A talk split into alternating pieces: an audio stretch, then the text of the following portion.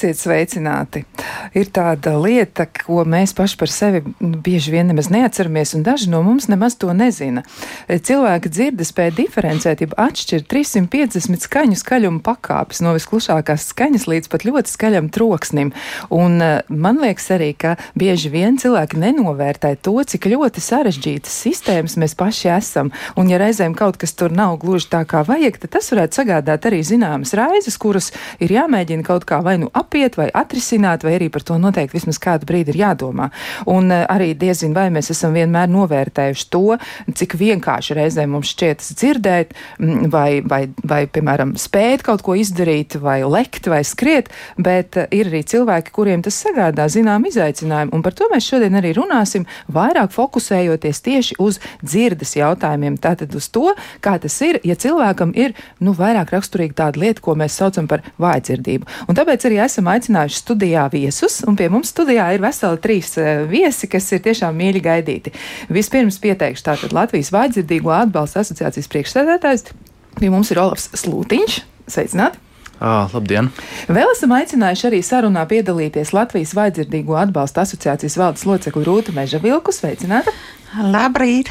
Un vēl pie mums arī ir Latvijas Vājdzirdīgo atbalsta asociācijas valdes loceklis Sadzird LV e, dibinātāja Baiba Bicēna. Sveicināti!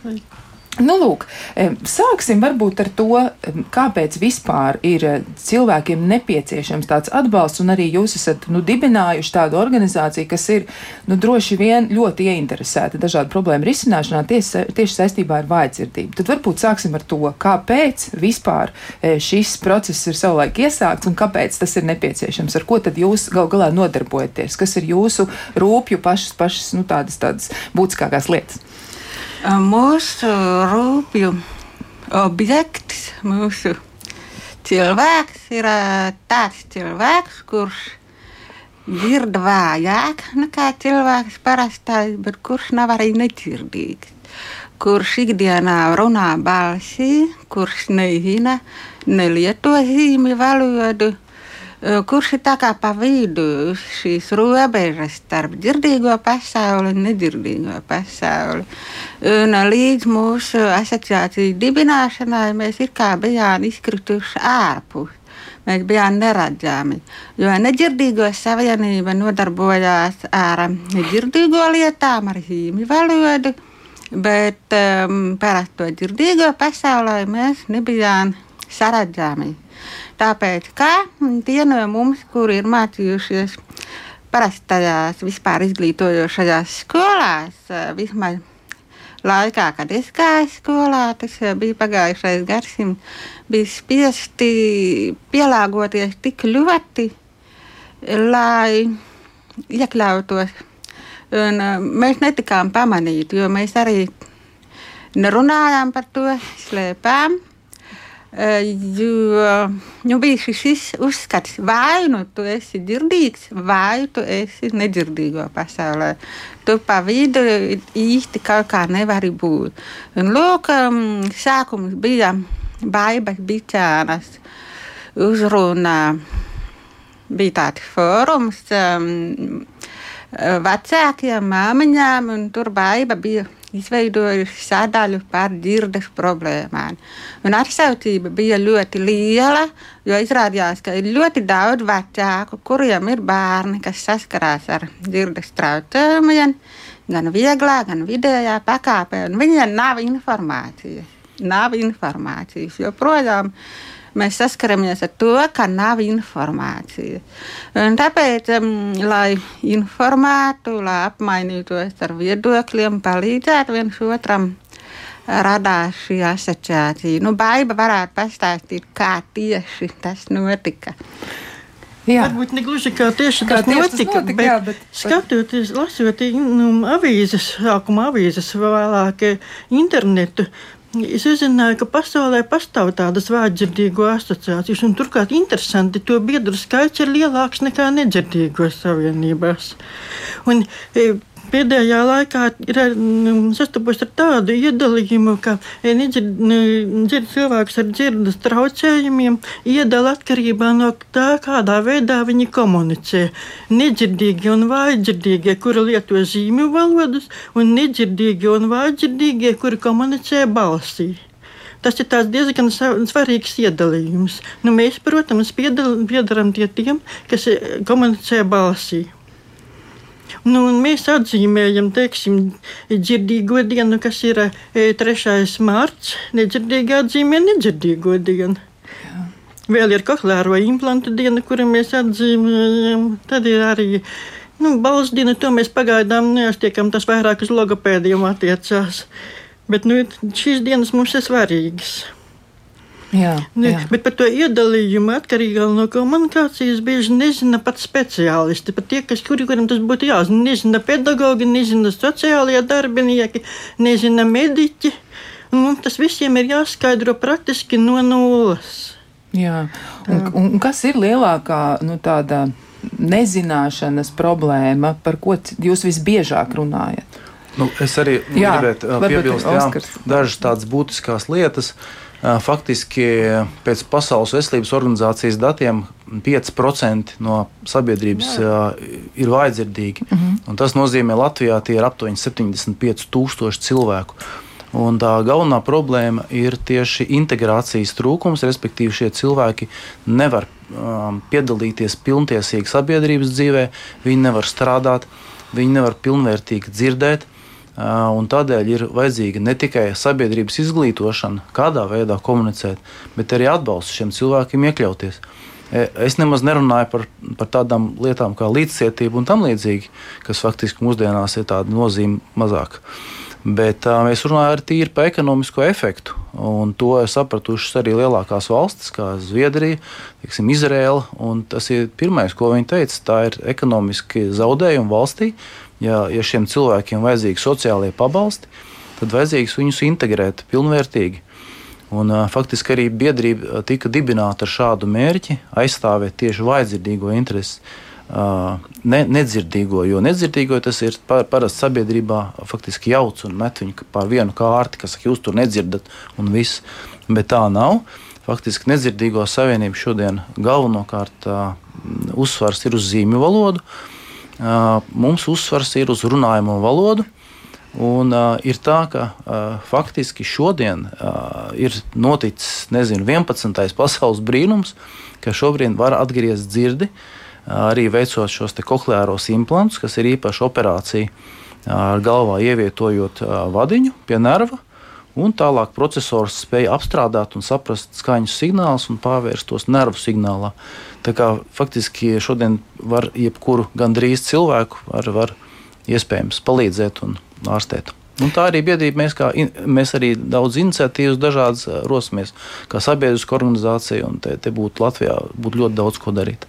Jā, bet jūs teicāt arī, un jūs kolēģis teica par to, ka, nu, ka cilvēkiem trūkst zināšanu par to, kas tas vispār ir. Un viņi tiešām nu, samet visus vienā kaudzē, kā saka, ja tu tā tad nedzirdi, tu tad esi nedzirdīgs. Un es daudz par to neraizēšos, ja kā tad ir. Bet jūs sakāt 70 tūkstoši cilvēku. Ja tas ir milzīgs skaitlis. Un ja mēs saglabājam šiem cilvēkiem integrācijas iespējas, darba spējas un arī paredzam viņiem tiešām brīnišķīgu nākotni, jo var viņiem palīdzēt un, un, un ļaut justies pilnvērtīgiem, tad kas ir tas, kas ir, nu, jūsuprāt, vislielākais? Lielākā problēma, ar ko tad jūs cīnāties, varbūt ar ko jūs arī sākāt? Nu, mēs sākām faktiski ar to, ka uh, biedrība tika nodibināta nu, tādā brīvprātīgā, brīvprātīgi piespiedu kārtā, jo man ir puika nedzirdīgs. Un vajadzēja uh, biedrību faktiski šādu, kas uh, atbalsta tieši arī nu, bērnu vispirms. Sāksim ar bērniem, kad uh, ir īpaša veida apmācība, kādā veidā viņus palīdz viņiem sadzirdēt, nu, lai viņš apgūtu zināšanas. Tas ir atbalsts skolās, bērnu dārzos. Tas ir augstākajās mācību iestādēs. Nu, šis atbalsts ir diezgan mazs. Un arī pašu šo vajadzīgo izpratni par to, kā, kā bērnam būtu programmas pieejamas. Un, jā, tas ir milzīgs darbs. Tā kā šis arī ir, ir svarīgs ļoti tāds aspekts. Jā, um, nu un par atbalstu runājot arī, kā tas ir citās valstīs, jo jums bija arī saruna, diezgan būtiska saruna ar kādu cilvēku, jūs varētu arī varbūt vairāk pastāstīt, kurš cilvēks tas bija, jā, tādā Eiropas līmenī, cik es nojaušu bija šī saruna, un kas ir tas, ko jūs uh, izspriedāt? Ir tā, ka jā, ir, pasaulē ir vairākas šādas organizācijas, un viena no spēcīgākajām, ko mums bija saruna šīs nedēļas sākumā, tā bija Eiropas lielākā vajadzīgo nu, atbalsta asociācija, FHOH saīsinājumā. Un, viņi ir ļoti pretimnākoši. Mums arī bija saruna vēl ar, ar, ar Zviedrijas un Dānijas partneriem. Viņi izstrādājuši četras programmas, ir kādā veidā pirmkārt apmāca skolotājus, kā komunicēt ar vajadzīgiem bērniem. Nākošais solis, faktiski, ko mēs arī gribētu attīstīt, kā mm, teiksim, uzņēmēji vai tie, kas apkalpojošā sfērā strādā, valsts ierēģi, kādā veidā viņiem komunicēt saprotamā veidā. Tas ir, jo vajadzīgie bieži lasa no lūpām daudz ko, tā, tā kā to ir svarīgi redzēt trokšņa izslēgšana, kas apkārtējo traucē. Nedrīkst runāt vienlaicīgi. Nu, tās ir tādas pamatlietas, lai cilvēks uztvertu šo informāciju. Un tur ir apmācības, šīs ir izstrādātas arī ar, ar starptautisko finansējumu. Kā, nu, šeit ir iekļauties ļoti liels iespējas, ja tik ir šis laiks, un, un to var darīt. Labi, jā. Ja, e, nu, ir atsevišķas e, organizācijas vajadzīgo bērnu vecākiem, ir, teiksim, Gaklēru implantu asociācijas. Mūsu biedrībā faktiski apvienoti gan pieaugušie, gan bērnu vecāki, gan, nu, e, jo atsevišķās nišas, nu, pagaidām organizācija nav, bet, nu, tādām vajadzētu būt. Nu, tā kā liela daļa bērnu vecāki ir, tad mēs domājam par to, kā, kā viņus izglītot. Un e, mēs esam par to, ka e, bērniem ir jābūt kvalitatīviem dzirdes aparātiem un implantiem, ir jānodrošina remonts, apkope. Un e, mēs vēl uzskatām, ka Latvijā ir tikai bērnu dzirdes centrs. Ja, kad viņi izaug, ka viņi kaut kur aiziet projām. Mēs uzskatām, ka bērnu dzirdes centrs ir jāpaplašina un jābūt aprūpēji visa mūža garumā, ka jābūt vienotam dzirdes centram e, gan bērniem, gan pieaugušiem, gan medicīnisko aprūpi, rehabilitāciju, e, dzirdes aparātu tehnisko apkopi. Visam jābūt vienopus. Pagaidām e, tiem, kuriem ir implants, tagad jau līdz 25 gadiem viņas nu, apkalpos. Ja? Līdz 23 kā tur bija. Kā ir šobrīd? Nu, tās pēdējās izmaiņas, jā, tur ir da, dažādi atbalsta programmas, ir paredzētas tādā ziņā, ka ir iedota nauda. Bet tālāk tas, nu, redzēsim, kā tas viss attīstīsies. Jo līdz nesenam laikam bija tā, ka nauda ir iedota, taču šī nauda tagad ir tiem ārstiem domājieties, ārstiem tagad ir jādomā par iepirkumu. Jās, jāgatavo programmas, cik tad ko iepirks un kā tad iepirks, nu, kas mūsuprāt nu, diezgan tāds neveikls risinājums ir, tāpēc tas ir smagnējs un nav skaidrs, ko un kā iepirks. Bet šis atbalsts tiek. Nu, Vismaz likuma devējs ir nācis mums pretim. Un vēl es gribu paslavēt Latviju, ka Latvija ir viena no teiksim, tādām līderu valstīm, kurā ir pieejams kohleārā implantēšana, un kur nav garas rindas. Šī operācija ir ārkārtīgi dārga. Bet bērniem tas ir pieejams. Tas nozīmē, ka var atgriezt cilvēku dzirdošu dzīvē. Un, un te liels nopelns ir, protams, gan mobilam, Latvijas mobilam telefonam sākumā, un arī Sandrai Kušķai, kas ir Latvijas bērnu dzirdes centra vadītāja. Tas ir, mēs esam Latvijā viena no vadošajiem, bet nu, citur mums jāpievelk. Jā, jā, par to, kur jāpievelk, vēl parunāsim. Bet, um, nu, kas ir uzlabojams, ja jūs domājat par savu dzīvi? Kas ir uzlabojams? Mums vajadzīgi subtitri visur, kur filmām, televīzijai Jā. vēlams būtu, jā, lai arī radio būtu šie subtitri. Jā. Es, piemēram, lasu sabiedriskas mēdījus portālā un lasu aprakstus. Jā. Ja kāds jautā, vai kāds to vispār lasa, jā, es lasu. Jā, es meklēju tā. par noteiktu tēmu un izlasu. Jā. Bet tas jau pēc tam, kad tas rādījums ir noticis. Jā, jā, jā. Bet vēlams būtu subtitrēt arī tiešās runas, nu, tiešsaistē. Kad, piemēram, uzstājās kāds valsts vīrs, tad tam vajadzētu būt, vajadzētu būt ne tikai zīmju valodas tulkam, bet arī runas teksta tulkam. Tā ir tāda ļoti interesanta profesija kur Latvijā ir nulle. Nulle, neviena nav. Neviena tāda Latvijā runas teksta tulka nav, bet Somijā tāda ir simts gabali. Nu, diemžēl arī Lietuvā nav, bet Igaunijā ir. Jā. Nu, es esmu redzējis šos runas teksta tulkas darbā, darbībā. Piemēram, mums ir bijuši starptautiski semināri ar Ziemeļvalstu pārstāvjiem. Atbrauc runas teksta tulki, Viņi strādā pāri, desmit minūtes raksta viens, desmit minūtes raksta otrs. Viņiem ir, e, ja viņi sēž pie galda, tad viņiem parasti laptopi ir, ja? bet viņi var arī pārvietoties. Viņi uzkārto e, laptopu vai arī pārvietojumu tastatūru plecos un raksta ejot. Jā. Nu, varbūt ne gluži ejot, bet nu, teiksim, staigā gids pa muzeju, viņi staigā līdzi apstājās un raksta pirkstu, un, pārējie paņem savu planšeti vai mobilo telefonu un lasa tos uzrakstus e, planšetē vai mobilajā vai arī laptopā, nu kā nu kurš. E, to pārāda e, kāda speciāla programma. Un vēl kas interesants, speciāli man tas tika tulkots latviešu valodā un labās kvalitātē samērā. Un es par to esmu ļoti apmierināta. Diemžēl to redzējuši Latvijā tikai daži cilvēki. Jā. Es esmu viena no tām, kura nu, nu Olafs, Olafs ir redzējis. Nu, un vēl daži pieslēdzās, piemēram, atrodoties Viļņā. Es aizsūtīju linku uz to tā, ne, programmu savai draudzenei, kur arī ir vajadzīga. Un viņa Rīgā to lasīja. Jā. Jā. Jā, un bija ļoti, ļoti sajūsmā. Rekā.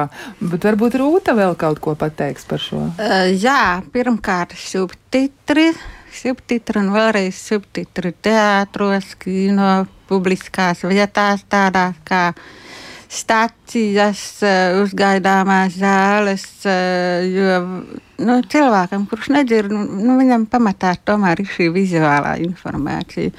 Otrakārt, pieejami dzirdes aparāti. Agrāk eh, sistēma bija šāda, jā, valsts atbalsta reizi piecos gados cilvēku, kuram ir vismaz trešā vājdzirdības pakāpe, viņš var iegādāties par valsts līdzekļiem šo dzirdes aparātu. Iepriekš sistēma bija smagnēja, ka tas varēja notikt tikai caur eh, nedzirdīgo savienības surdo centru.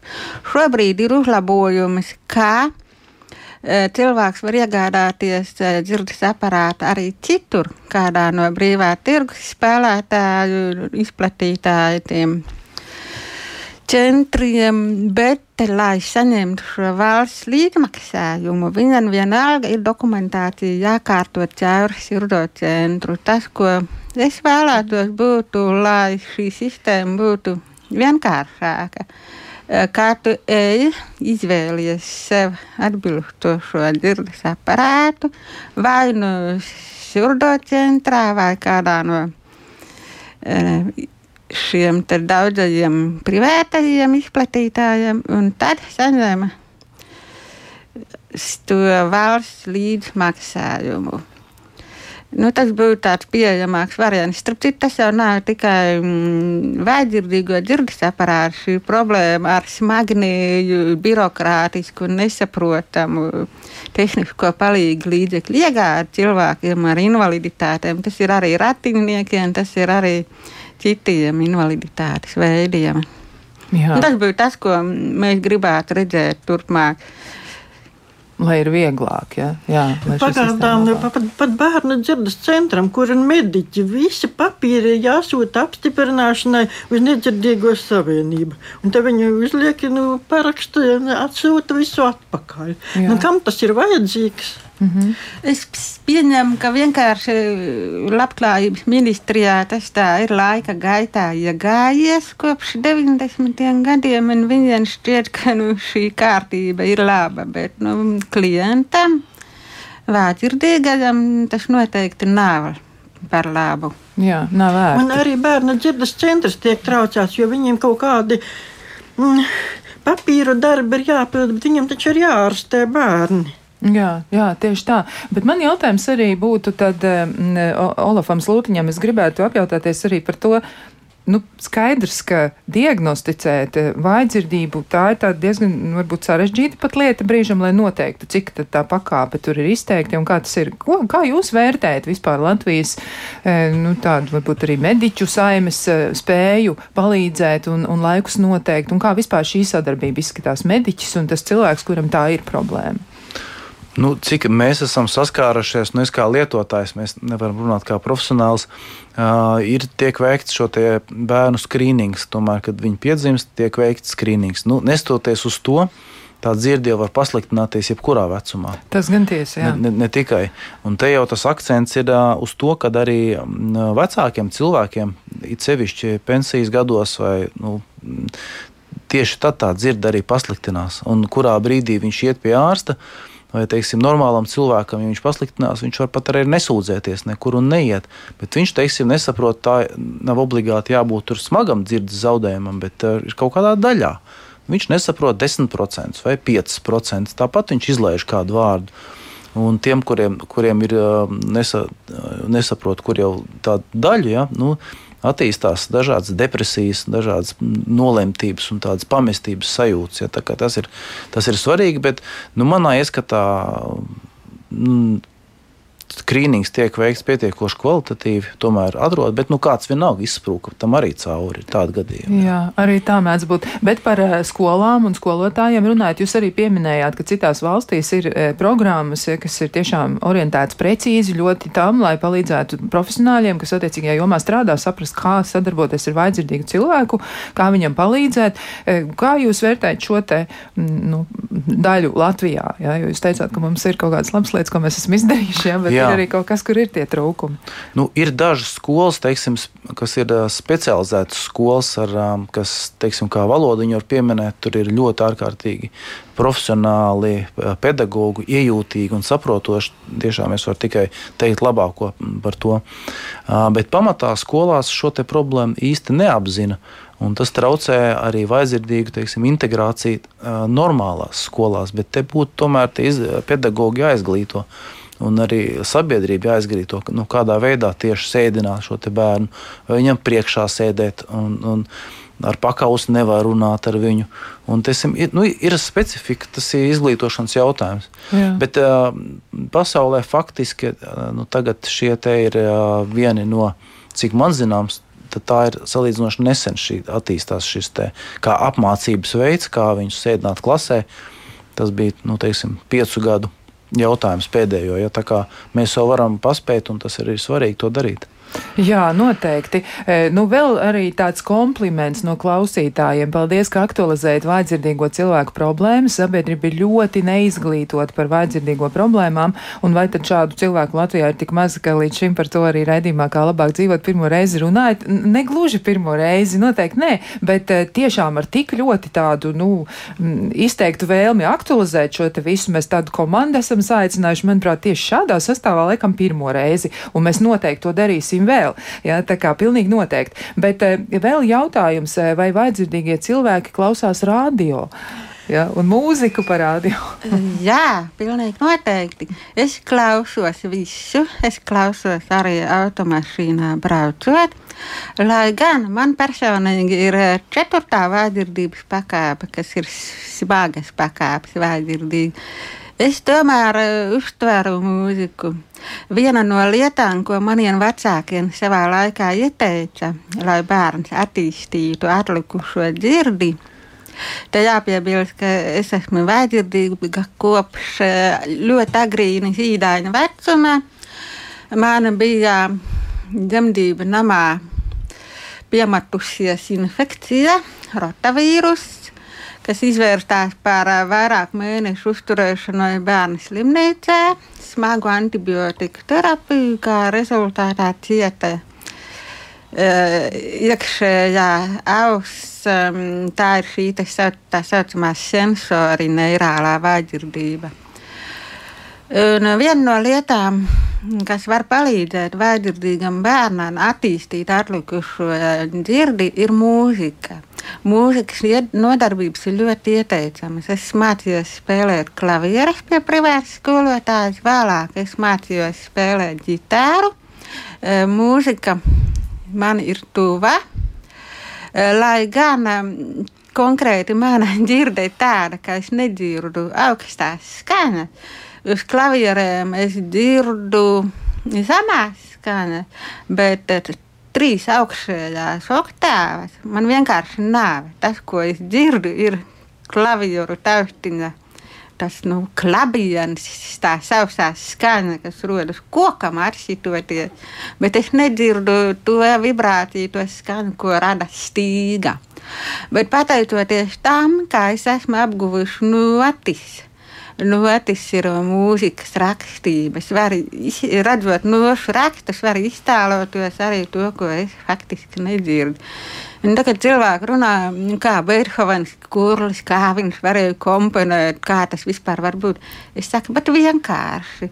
Viņš, tad, kad viņš vēl dzirdēja, viņš apguva nošu rakstību. Viņš zināja rakstību, un līdz ar to viņš savā prātā varēja iztēloties mūziku. Jā, tā ir lieliska lieta, jā, jā patiesi. Manas attiecības ar radio bērnībā man radio ļoti nepatika. Tas bija ieslēgts, bet es neko tur nevarēju saprast. Kaut kā tāda, kaut kā tā. Jā. Mūzika gan jā, te, televīzija labāk. Bet, nu, ziniet, ko vēlāk es dabūju austiņas. Parastās sākumā tās bija tādas jums, tagad ir e, vēlāk nu, parastās puļķaustiņas, piesprādu klāt un sāku dzirdēt diktoru teikt. To diktoru teikt, viņi runā skaidri, izruna. Nu, protams, arī mūziku. Un tagad es radio klausos ļoti daudz. Es ār, bieži vien izņemu dzirdes aparātus ārā, iesprāžu tās puļķaustiņas. Es zinu, ka tas nav pārāk labi, bet skaņa faktiski ir vienāda gan puļķaustiņām, gan, gan, gan dzirdes aparātam. Tur nerā nekādu starpību, un es labi dzirdu diktoru teikto un klausos mūziku. Man ļoti patīk mūzika, mans mīļākais radio, radio divi. Ne, e, bet, ziniet, ja runās, teiksim, ka jūs kādu intervēsiet, tad es varu arī nedzirdēt. Nu, dzirdēt, es valodu dzirdēšu, bet es nevarēšu nesaprast. Tad Jā. varbūt katru desmito vārdu tu iztveršu. Nu, arī, arī no diktora teiktu, ja viņi, teiksim, sauks vārdus un uzvārdus man nepazīstamus, tad es varēšu viņus nesaprast. Jā, nu skaidrs. Jā. Labi. Nu tad, eh, jā, mēs tuliņ arī eh, nu, mazliet atpūtīsimies, jā, bet atgriežoties pie statistikas, mēs jau to minējām, ja, cik vajadzīgo cilvēku dzīvo Latvijā. Tie ir 70 tūkstoši. Jā, bet vairāk noteikti ir. Jā, ir tādi cilvēki, kas varbūt Manuprāt, nav. Pa pakāpiem viņi pat netiek uzskaitīti. Nu, varētu arī tā būt, ja, jā, bet nu, tie, par kuriem zinām. Tā ceturtā, trešā pakāpe, tas ir tā, kuras varētu zināt, bet kurš ir ar otro un pirmo, tu vienīgi bērnus var uzskaitīt. Jā, jā Jā, nu, katrā ziņā tai, tai statistikai vajadzētu papildināties, lai būtu skaidrāks priekšstats, un noteikti tur ir jāiesaistās gan mediķiem, gan skolotājiem, ja gan arī, protams, e, e, vajadzīgo atbalsta asociācija centīsies e, nu, darīt visu no savas puses, lai palīdzētu saprast, cik daudz cilvēkiem ir nepieciešams atbalsts. Bet šis ir mirklis, kad mums ir vajadzīga neliela atpūta. Turpinām sarunu par to, kā mums visiem palīdzēt vienam otram, ja atbalstīt vienam otru, un šodien vairāk fokusējamies tieši uz vājdzirdīgajiem cilvēkiem un mēģinām mēģinām saprast, kas viņiem ir nepieciešams, kur ir kāda problēma un kā to varētu arī atrisināt. Un e, par sevi un mums visiem atgādināšu arī to, ka ar jums, e, protams, ir kopā e, kā labāk dzīvot komanda. Kristiāna Lapiņa ir studijā, redzījuma producenta ir Loreta Bērziņa, bet pie skaņpūta šobrīd atrodas Ernests Valts Fjodorovs. Nu, lūk, bet mēs turpinām un ar jautājumu turpināsim. Tātad, kā apkārtējiem cilvēkiem būtu jārunā, ja kompānijā, piemēram, ir kāds vājdzirdīgs cilvēks? Nu, es teikšu tā, ka jārunā vienam cilvēkam. Nevar tā, ka runā daudzi cilvēki reizē. Un tā, diemžēl, ir ļoti, ļoti izplatīta nepatīkama parādība, kura notiek arī sapulcēs, konferencēs. Un, un Sevišķi es nevaru ciest diskusiju grupu, nu, e, darba grupas, teiksim, ka mēs semināros sadalām. Tad viena grupa runā, otra grupa runā, trešā grupa runā. Un tad iznāk tā, ka man it kā būtu ļoti daudz ko teikt, pilna ar informācijas, bet nevaru izsakot ne, ne savai grupai, ne citām. Un, Es palieku, palieku neko savu, viedokli nepateikusi. Tas ir ļoti smagi vispār, ļoti smaga situācija. Tā Jā. tas notiek arī tādās grupās, kur mums apspriež sociālos jautājumus, labklājības. Nu, labi, Jā. E, tā tad tas jāņem vērā. E, tad vēl viens jautājums. Es pazīstu vismaz piecus seniorus vecumā pēc 75 gadiem. Visiem ir valsts izdotie dzirdes aparāti, neviens viņus nelieto. Ja? Jo saka, ka sāp galva un vēl vis kaut ko citu. Jā, nu, vecuma vājdzirdība mums ir joprojām līdz galam nenovērtēta smaga problēma. Pirmkārt, tas ir sabiedrības izglītošanas jautājums. Vajadzētu būt normai, ka tāpat kā mēs laiku pa laikam apmeklējam redzes pārbaudi, mēs laiku pa laikam ejam pie lora un veicam dzirdes pārbaudi. Tā saucamo audiogrammu. Jo bieži vien cilvēks pēc 50 viņš īsti nenovērtē tās pārmaiņas, kas notiek. Viņš konstatē, ka apkārtējie neskaidru runā, murmina, viņš pats nejūt. Ja vajadzība iestājas vēlīnā vecumā pēkšņi, piemēram, pēc vidusceļa iekārtas vai meningīta pārslimošanas, to pamana. Bet, ja viņa tā lēnām, lēnām, lēnām pietuvojas, tad cilvēks pats nepamana. Un tāpēc es gribētu aicināt visus savlaicīgi pārbaudīt dzirdi, doties pie Lora. Arī ja liekas, ka nu, nekas traks jau nav. Jo ir tā, ka viena lieta ir tas, ko mēs dzirdam, ko mēs ar ausīm sadzirdam, otra lieta ir tas, ko mūsu smadzenes dara ar šo ienākušo signālu. Smadzenes zināmā veidā spēj kompensēt uh, ienākušā signāla defektu. Un viņas pielāgojās. Tad, ja šāds cilvēks, kurš ilgstoši ir bijis vājdzirdīgs, ja viņš uzliek šo dzirdes aparātu, smadzenes uzreiz nespēja tam pielāgoties. Tas prasa laiku. Es ieteiktu mm, no sākuma dzirdes aparātu noregulēt uz klusāko skaņu, e, nelietot visu dienu, bet, teiksim, uzstādīt mērķi. Es viņu lietoju divas stundas dienā. Pēc tam šo laiku palielināt, ļaut iespēju smadzenēm adaptēties. Un, protams, te ir arī tas apstākļus, ka bērns, mazs bērns, kurš ir vājdzirdīgs kopš dzimšanas, viņš nu, bērns visam pielāgoja daudz, daudz labāk nekā padzīvojis cilvēks. Un, un tāpēc um, tie, kas ir zaudējuši dzirdi agrīnā vecumā, viņi pielāgojas labāk nekā ja tas notiek pēc 40, pēc 50. Jā, jā, nu te vēl viens jautājums ir, es, es nocitēšu, ja, ja var, manai sievai nesekmīgas operācijas rezultātā bija sepse un ir traucēta asinsrita galvā. Smadzeņu šūnas, kas kalpo mūzikas uztverēji, skābekļa bada rezultātā ir nu, gājušas bojā, un mūzika viņai ir troksnis un ir apgrūtinājuši sarunāties pa telefonu. Ja, ir, tas ir grūti, un mm, viņa nevar interpretēt tekstu, ja, ko viņa dzird. E, un, ja netiek runāts pietiekoši lēni un akcentēti, un varbūt ir kādi tehniskie līdzekļi, kas var palīdzēt. Es domāju, šajā gadījumā drīzāk vajadzētu konsultēties ar mediķiem. Tas nav, nav īsti mūsu kompetencija. Dzirdes aparāti, nu, klausītājs raksta, ka nav palīdzējuši. Nu, ziniet, ir tā.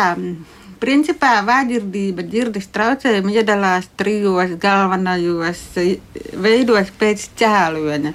Viena ir konduktīvā vājdzirdība, proti, kad ir bojāta auss vidusceļš un gādiņa, šis fiziskais mehānisms. Mm -hmm. Otra ir mans gadījums sensori neirālā, kad ir bojāti dzirdes uztveres narvi iekšējā ausī, ir atmiruši tā saucamās dzirdes matiņu šūnas.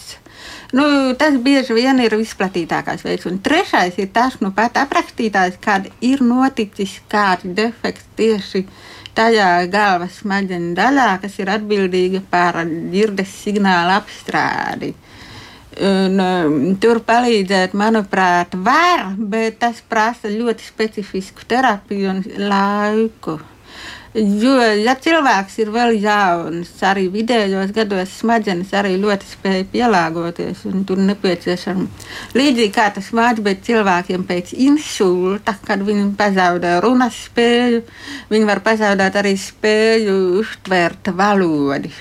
Šie te ir tā saucamie fonomātiskie dzirdes traucējumi. Viņi zaudē spēju saprast valodu, viņi dzird kaut kādu skaņu jūkli bet viņš nespēja izlobīt jēgu. Nu, tur ir jā, jāiet pie mm, speciālistiem un tiešām jāmēģina terapija ar logopēdu, lēnām, pakāpeniski. Tāda ir cerība, ka varētu notikt uzlabojumi. Jā, nu, rekā, nu, vēl arī tad es gribētu vēlreiz iesaistīt sarunā Olafu Slūtiņu un um, rekura komentārs. Esmu atbildīgs par izglītības platformas Hāna Akademija materiālu sagatavošanu latviešu valodā. Visu video materiālu subtitrēšana mums ir obligāta procesa sastāvdaļa, taču lielākoties Latvijā pieejamajiem mācību materiāliem tas nav pašsaprotam. Tā ir neiedzība, jo subtitri noder visiem, arī dzirdīgajiem, piemēram, mācoties trokšņainā vidē. Nu, kā tad ir? Bez šaubām, bez šaubām subtitri noder arī dzirdīgiem un arī tiem, kas mācās latviešu valodu. Nu, ir tāds labā ziņa, ir tā, ka nu, mēs vienlaikus arī cīnījāmies, lai arī televīzija nodrošinātu subtitrēšanu arī tiem raidījumiem, kas notiek online, respektīvi tieši tiešsaistē. Un arī tāda subtitrēšana būtu vajadzīga pasākumos lielajos, vai arī iespējams, ka tā būtu vajadzīga valsts iestādēs, tiesās un jebkur, kur ir. Nu, kur ir sniegts šie pakalpojumi. Kādu laiku mēs arī mēģinājām cīnīties par to, lai subtitēšanu panāktu, bet, nu, diemžēl, nesekmīgi, jo tur esot kaut kādas tehniskās lietas un birokrātiskās, bet nu, šobrīd izskatās, tas viss ir sakustējies lēnām, un tas ir ar, jauno, ar jaunu teiksim, tehnoloģiju ienākšanu, ar mākslīgo intelektu. Un Tilde, cik es zinu, šobrīd strādā pie šādas sistēmas nu, un, un sola rezultātus labus, jau viņam šobrīd vajadzētu jau kaut kādiem būt. Mēs arī iedevām divas skolas, kur viņi aprobēs runas pārveidi titros. Protams, skolām tas ir atsevišķs jautājums, jo paši skolnieki nu, nelasa tik ātri arī no ekrāna. Tas tā arī ir specifika. Bet kā tehnoloģija, teiksim, arī šī seminārā lampa, kas bija nu, festivālā, Nu, Baiba gan saka, ka viņa esot redzējusi, ka tur nav viss tik spīdoši. Nu, tās sesijas, ko es tur paskatījos, un man likās, ka ir ļoti tuvu tam, ko mēs gribētu. Jo te ir svarīgi, ja tas cilvēks runā ļoti skaidri un nevēl kaut kādus e, un a un u un neputrojās pats, tad arī tas, tas pieraksts iet diezgan gludi. Un, kas ir interesanti, kad mēs arī esam runājuši ar šīm starptautiskām organizācijām, Un viņi tur arī faktiski tā valdē, gan pie izpildu varas ir tie nu, arī vajadzīgi cilvēki. Un viņiem iet tas captioning, tas iet tāds runas pārveide rakstā. Un tur var uzlikt valodas, un tur uzlikt arī latviešu valodu. Jo tad, kad runā angļu valodā, viņš diezgan labi šīs mākslīgais intelekts uztver šo skaņu, un arī tulkojums ir Es teiktu, ka ciešams. Es teiktu, ka var saprast, pa ko. Nu, ja ir kāda kļūdiņa, arī tad ir, bet uh, katrā ziņā ļoti, ļoti labs līdzeklis. Tā kā es ceru arī uz tildes panākumiem. Un ka tas arī tiks integrēts, un mēs, mēs arī, tas ir tas, arī, pa ko mēs iestājāmies visvairāk Latvijā no, no, no nevalstiskā organizāciju vidus. Jā, es esmu subtitru lasītāja kopš ļoti agras bērnības. Nu, varbūt viens otrs bērns ne tik ātri nespēja lasīt, bet es burtiski zibenīgi izlasīju subtitrus zem filmām, kuras kādreiz kino rādīja. Jā. Bet, diemžēl, mums, mums bija arī mācība rādījumi. Es biju mācījos padomu laikā. Ja, e, Bet šiem rādījumiem nebija subtitrēti, un es viņus nesapratu. Bet es nu, mācījos tikai no rakstiskās informācijas, kas bija mācību grāmatā, tikai lasot. Jā, jā. Nu, klausītāji raksta, ka pusē TV kanālu nav APG programmu, bet komerckanāliem ir visiem. Kāpēc tāda diskriminācija? E, ka, nu, tas droši vien tur ir zināmas atšķirības, varbūt par naudu runājot. Un vēl klausītāji saka, paldies par raidījumu. Lūk, atkal nonākam pie tā, ka visur, kur iespējams, nepieciešami titri. Jā, tas ir e, tā. Un vēl m, mm, arī. Um, vēl tāda piebilde, ja mums ir eh, arī kolēģi iesaistījušies un eh, raksta tā, ka starp citu nākamā nedēļa par dzirdes veselību un to, cik skaļā gadsimtā patiesībā dzīvojam, ja tad varēs klausīties arī vēl kādā mūsu kolēģi raidījumā. Es patiesībā saglabāšu intrigu, ja paskatieties, kāds ir, kāds ir plāns nākamajai nedēļai, paklausieties reklāmas un tad eh, noteikti arī varēsiet iedziļināties arī šajā visā. Ja nu man tiešām sanāks vēl laiks, tad es noteikti atklāšu, kur tas būs dzirdams. Bet Bet um, vēl runājot par nu, tiem nu, risinājumiem, kas ir vēl tas, par ko jūs uh, domājat, ko noteikti, noteikti vajag? Akustika telpās, skolās. Nu, kur notiek dažādi semināri, nu, ja teiksim, plikas grīdas, plikas sienas. Atbalsts ir ne, neiedzīgi. Arī ļoti grūti saprast par akustiku skolās. Sabiedriskās vietās arī noteikti ir jādomā. Jā. Jā. Nu, un, protams, bērniem jautājums ir par skolu pieeju, par profesionalitāti. Mēs šobrīd ejam uz to, ka jābūt klasē 30 un pāri bērniem. Bet priekš vājdzirdīga bērna tas ir ļoti bēdīgi. Ja ziņa, tur vajadzīgs ir faktiski gan privāta skola, varbūt gan privāts bērndārs. Ja reiz valsts negrib nodrošināt, vai nevar, vai nav naudas, nu tad šī naudiņai būtu jāseko kaut vai uz privāto sektoru, kur ir tā pretimnākšana lielāka. Mums ir ļoti laba pieredze arī, arī šajā ziņā. Nu, vēl ko var izdarīt, protams, ir tā, ka var iestāties biedrībā, labprāt mēs uzņemam jaunus, un jūs būsiet pievienoti čatiņam kur ir dažādas problēmas, mēs risinām. Un mēs arī kā biedrība ierobežot varam palīdzēt. Mums arī ir uh, dzirdes aparātiņi noziedoti. Tos mēs arī dodam cilvēkiem, kur kaut kāda iemesla dēļ nevar dabūt vai nu valsts aparātus, vai nu tur nevar iziet tās komisijas, bet tik pa laikam mums arī lūdz šo palīdzību, nu, ko mēs arī sniedzam. Jā, nu noteikti Bet, jāmeklē sadzirdi LV. Jā. Mums ļoti trūkstīgi rokas grāmatas ar jā. bērnu vecākiem. Pēdējā un faktiski vienīgā rokas grāmata vērtzīgo bērnu vecākiem iznāca 1996. gadā. Vai, Tā bija e, Dacis Uzoras grāmata. E, un, diemžēl atkārtot izdevumu nav, un, ja arī būtu atkārtots, ir ļoti daudz kas mainījies, jo tehnoloģijas ir mainījušās. Jā. Nu, ziniet, ka mums nu, tāds plāns bija izdot grāmatu, ja, bet, diemžēl, mums saka, rakstiet projektus, mēs rakstījām projektus. Tas noraidīts. Nu, mēs kādus trīs rakstījām, jā, bet tā moda mainās ar to, ar to palīdzēšanu no, teiksim, no lielām organizācijām, vai tas ir TET vai tas ir Latvijas meži. Jā, te ir tā, jautājums. Jā, jā, vai, vien, vienu brīdi vai, ļoti iesaistās. labprāt mēs ņēmām šīs bērnu nometnes, jo viņiem vajadzīga savstarpēja komunikācija, lai viņi runā, iepazīstās, arī vecāki var izrunāties. Kaut kādā brīdī, bet nē, tas nav ilgspējīgi, tas ir tur vienreiz izšaus gaisā, mēs nedodam naudu. Nu, labi. Tad deva dažādiem printētiem materiāliem naudiņas. Tas, tas tā moda arī tagad ir pārgājusi. Mēs gribējām, jo, jo vecāks, kas saprot, ka viņa bērns ir vaidzirdīgs, viņš ir pilnīgi šokā vairākus mēnešus. Viņš nesaprot, ko darīt, pie kā griezties. Viņš sāk kaut ko izmisīgi lasīt, kaut ko gramstīt, meklēt. Kaut ko tulkot, kaut ko saprast, kamēr viņš saprot, kur viņš ir un kas viņam jādara. Nu, šāda grāmata būtu bijusi ļoti noderīga. Nu, mēs kādus trīs projektus rakstījām, un faktiski mēs neiekļuvām to laimīgo skaitā. Nu, nesanāca izdot. Nu, Tā mēs. Jā, varbūt. Šāda ka... problēma vispār ir aktuāla arī citām biedrībām. Dažreiz nu, biedrībām izdodas, izdot, citām neizdodas, bet nu, faktiski vajadzīgi ļoti agrā bērnībā. Es domāju, par to ir jādomā jau labklājības ministrijā un veselības ministrijā un jāizdod par dažādām nu, kaitēm, par dažādiem funkcionālitātēm. Vai tā būtu dauna slimība, vai kustība traucējumi, vai vājdzirdība, mm. par visiem. Jā. Varbūt vienotā formātā, bet nu, mēs konsultēsim, ka, nu, kas būtu svarīgāks, kas ne.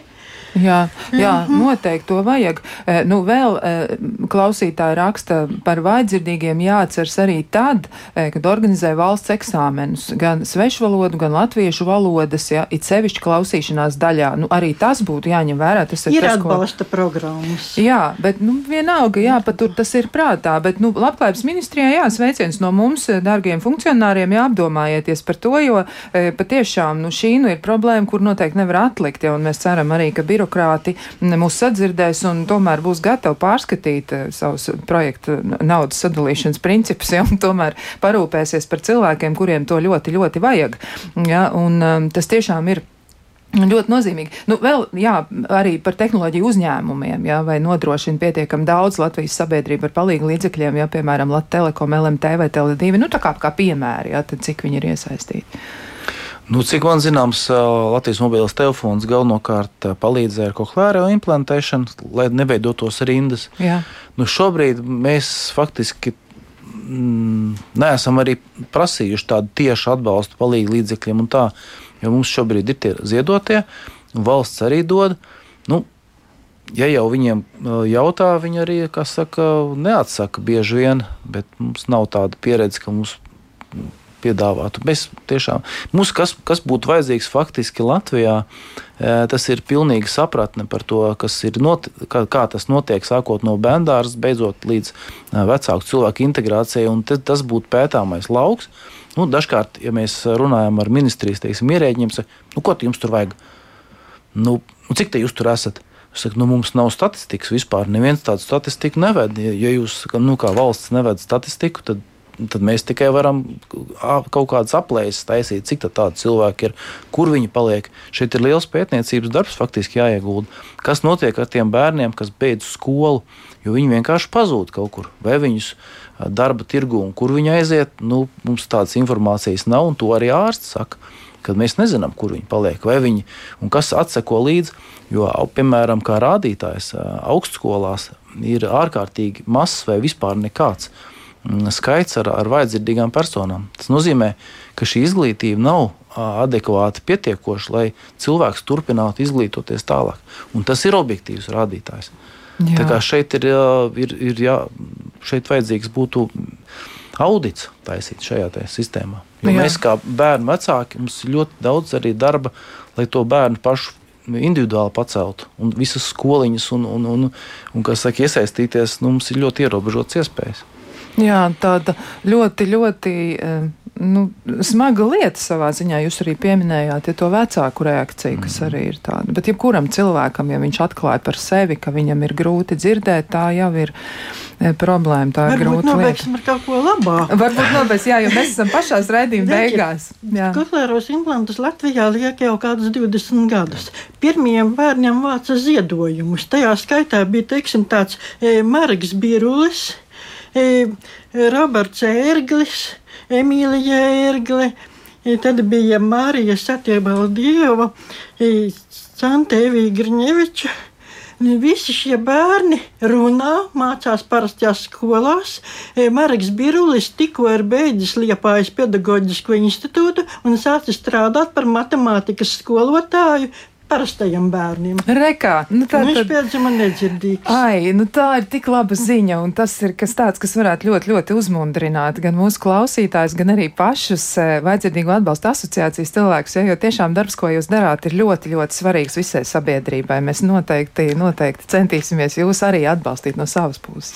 Es jau gribēju arī pieminēt, ka faktiski nedzirdība šodien jauniem, teiksim, piedzimušiem bērniem, vai tas ir bērnībā, tas to iespējams ļoti kvalitatīvi risināt. Jo, ja, ja šo noķer agrā periodā, ja tur liek implantu, teiksim, gada vecumā vai, vai agrīnā, tad uh, faktiski šie cilvēki runā uh, perfekti un dzird, un, un, un jūs pat nepateiksiet, ka viņam ir kaut kāda traucējuma. Jā, labi. Vajag papildus ne... logopēdiskās nodarbības, bet vecāki prasa, kur dabūt logopēdu. Jo, ja tas implants ir, bet ja viņas nemāca runāt, Nu, to mēs tik labi nav apatstavoši. Jā, acīm redzot. Logopēdu diezgan audiologopēdu varētu būt vairāk. Varētu būt vairāk. Mēs arī par to parunāsim, bet mēs noteikti aicināsim jūs vēl.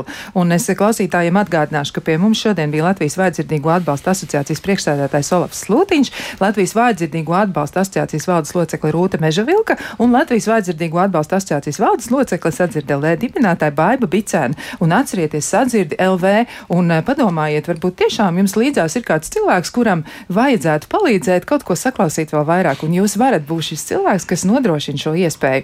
Jā, rīt, rīt jūs kopā ar kā labāk dzīvot komandu varēsiet doties Latgals virzienā, jo tur, kur tie plašie lauki, dziedošie cilvēki un tās siltās sirdis, nu tur taču arī kādreiz ir kaut kā jānokļūst.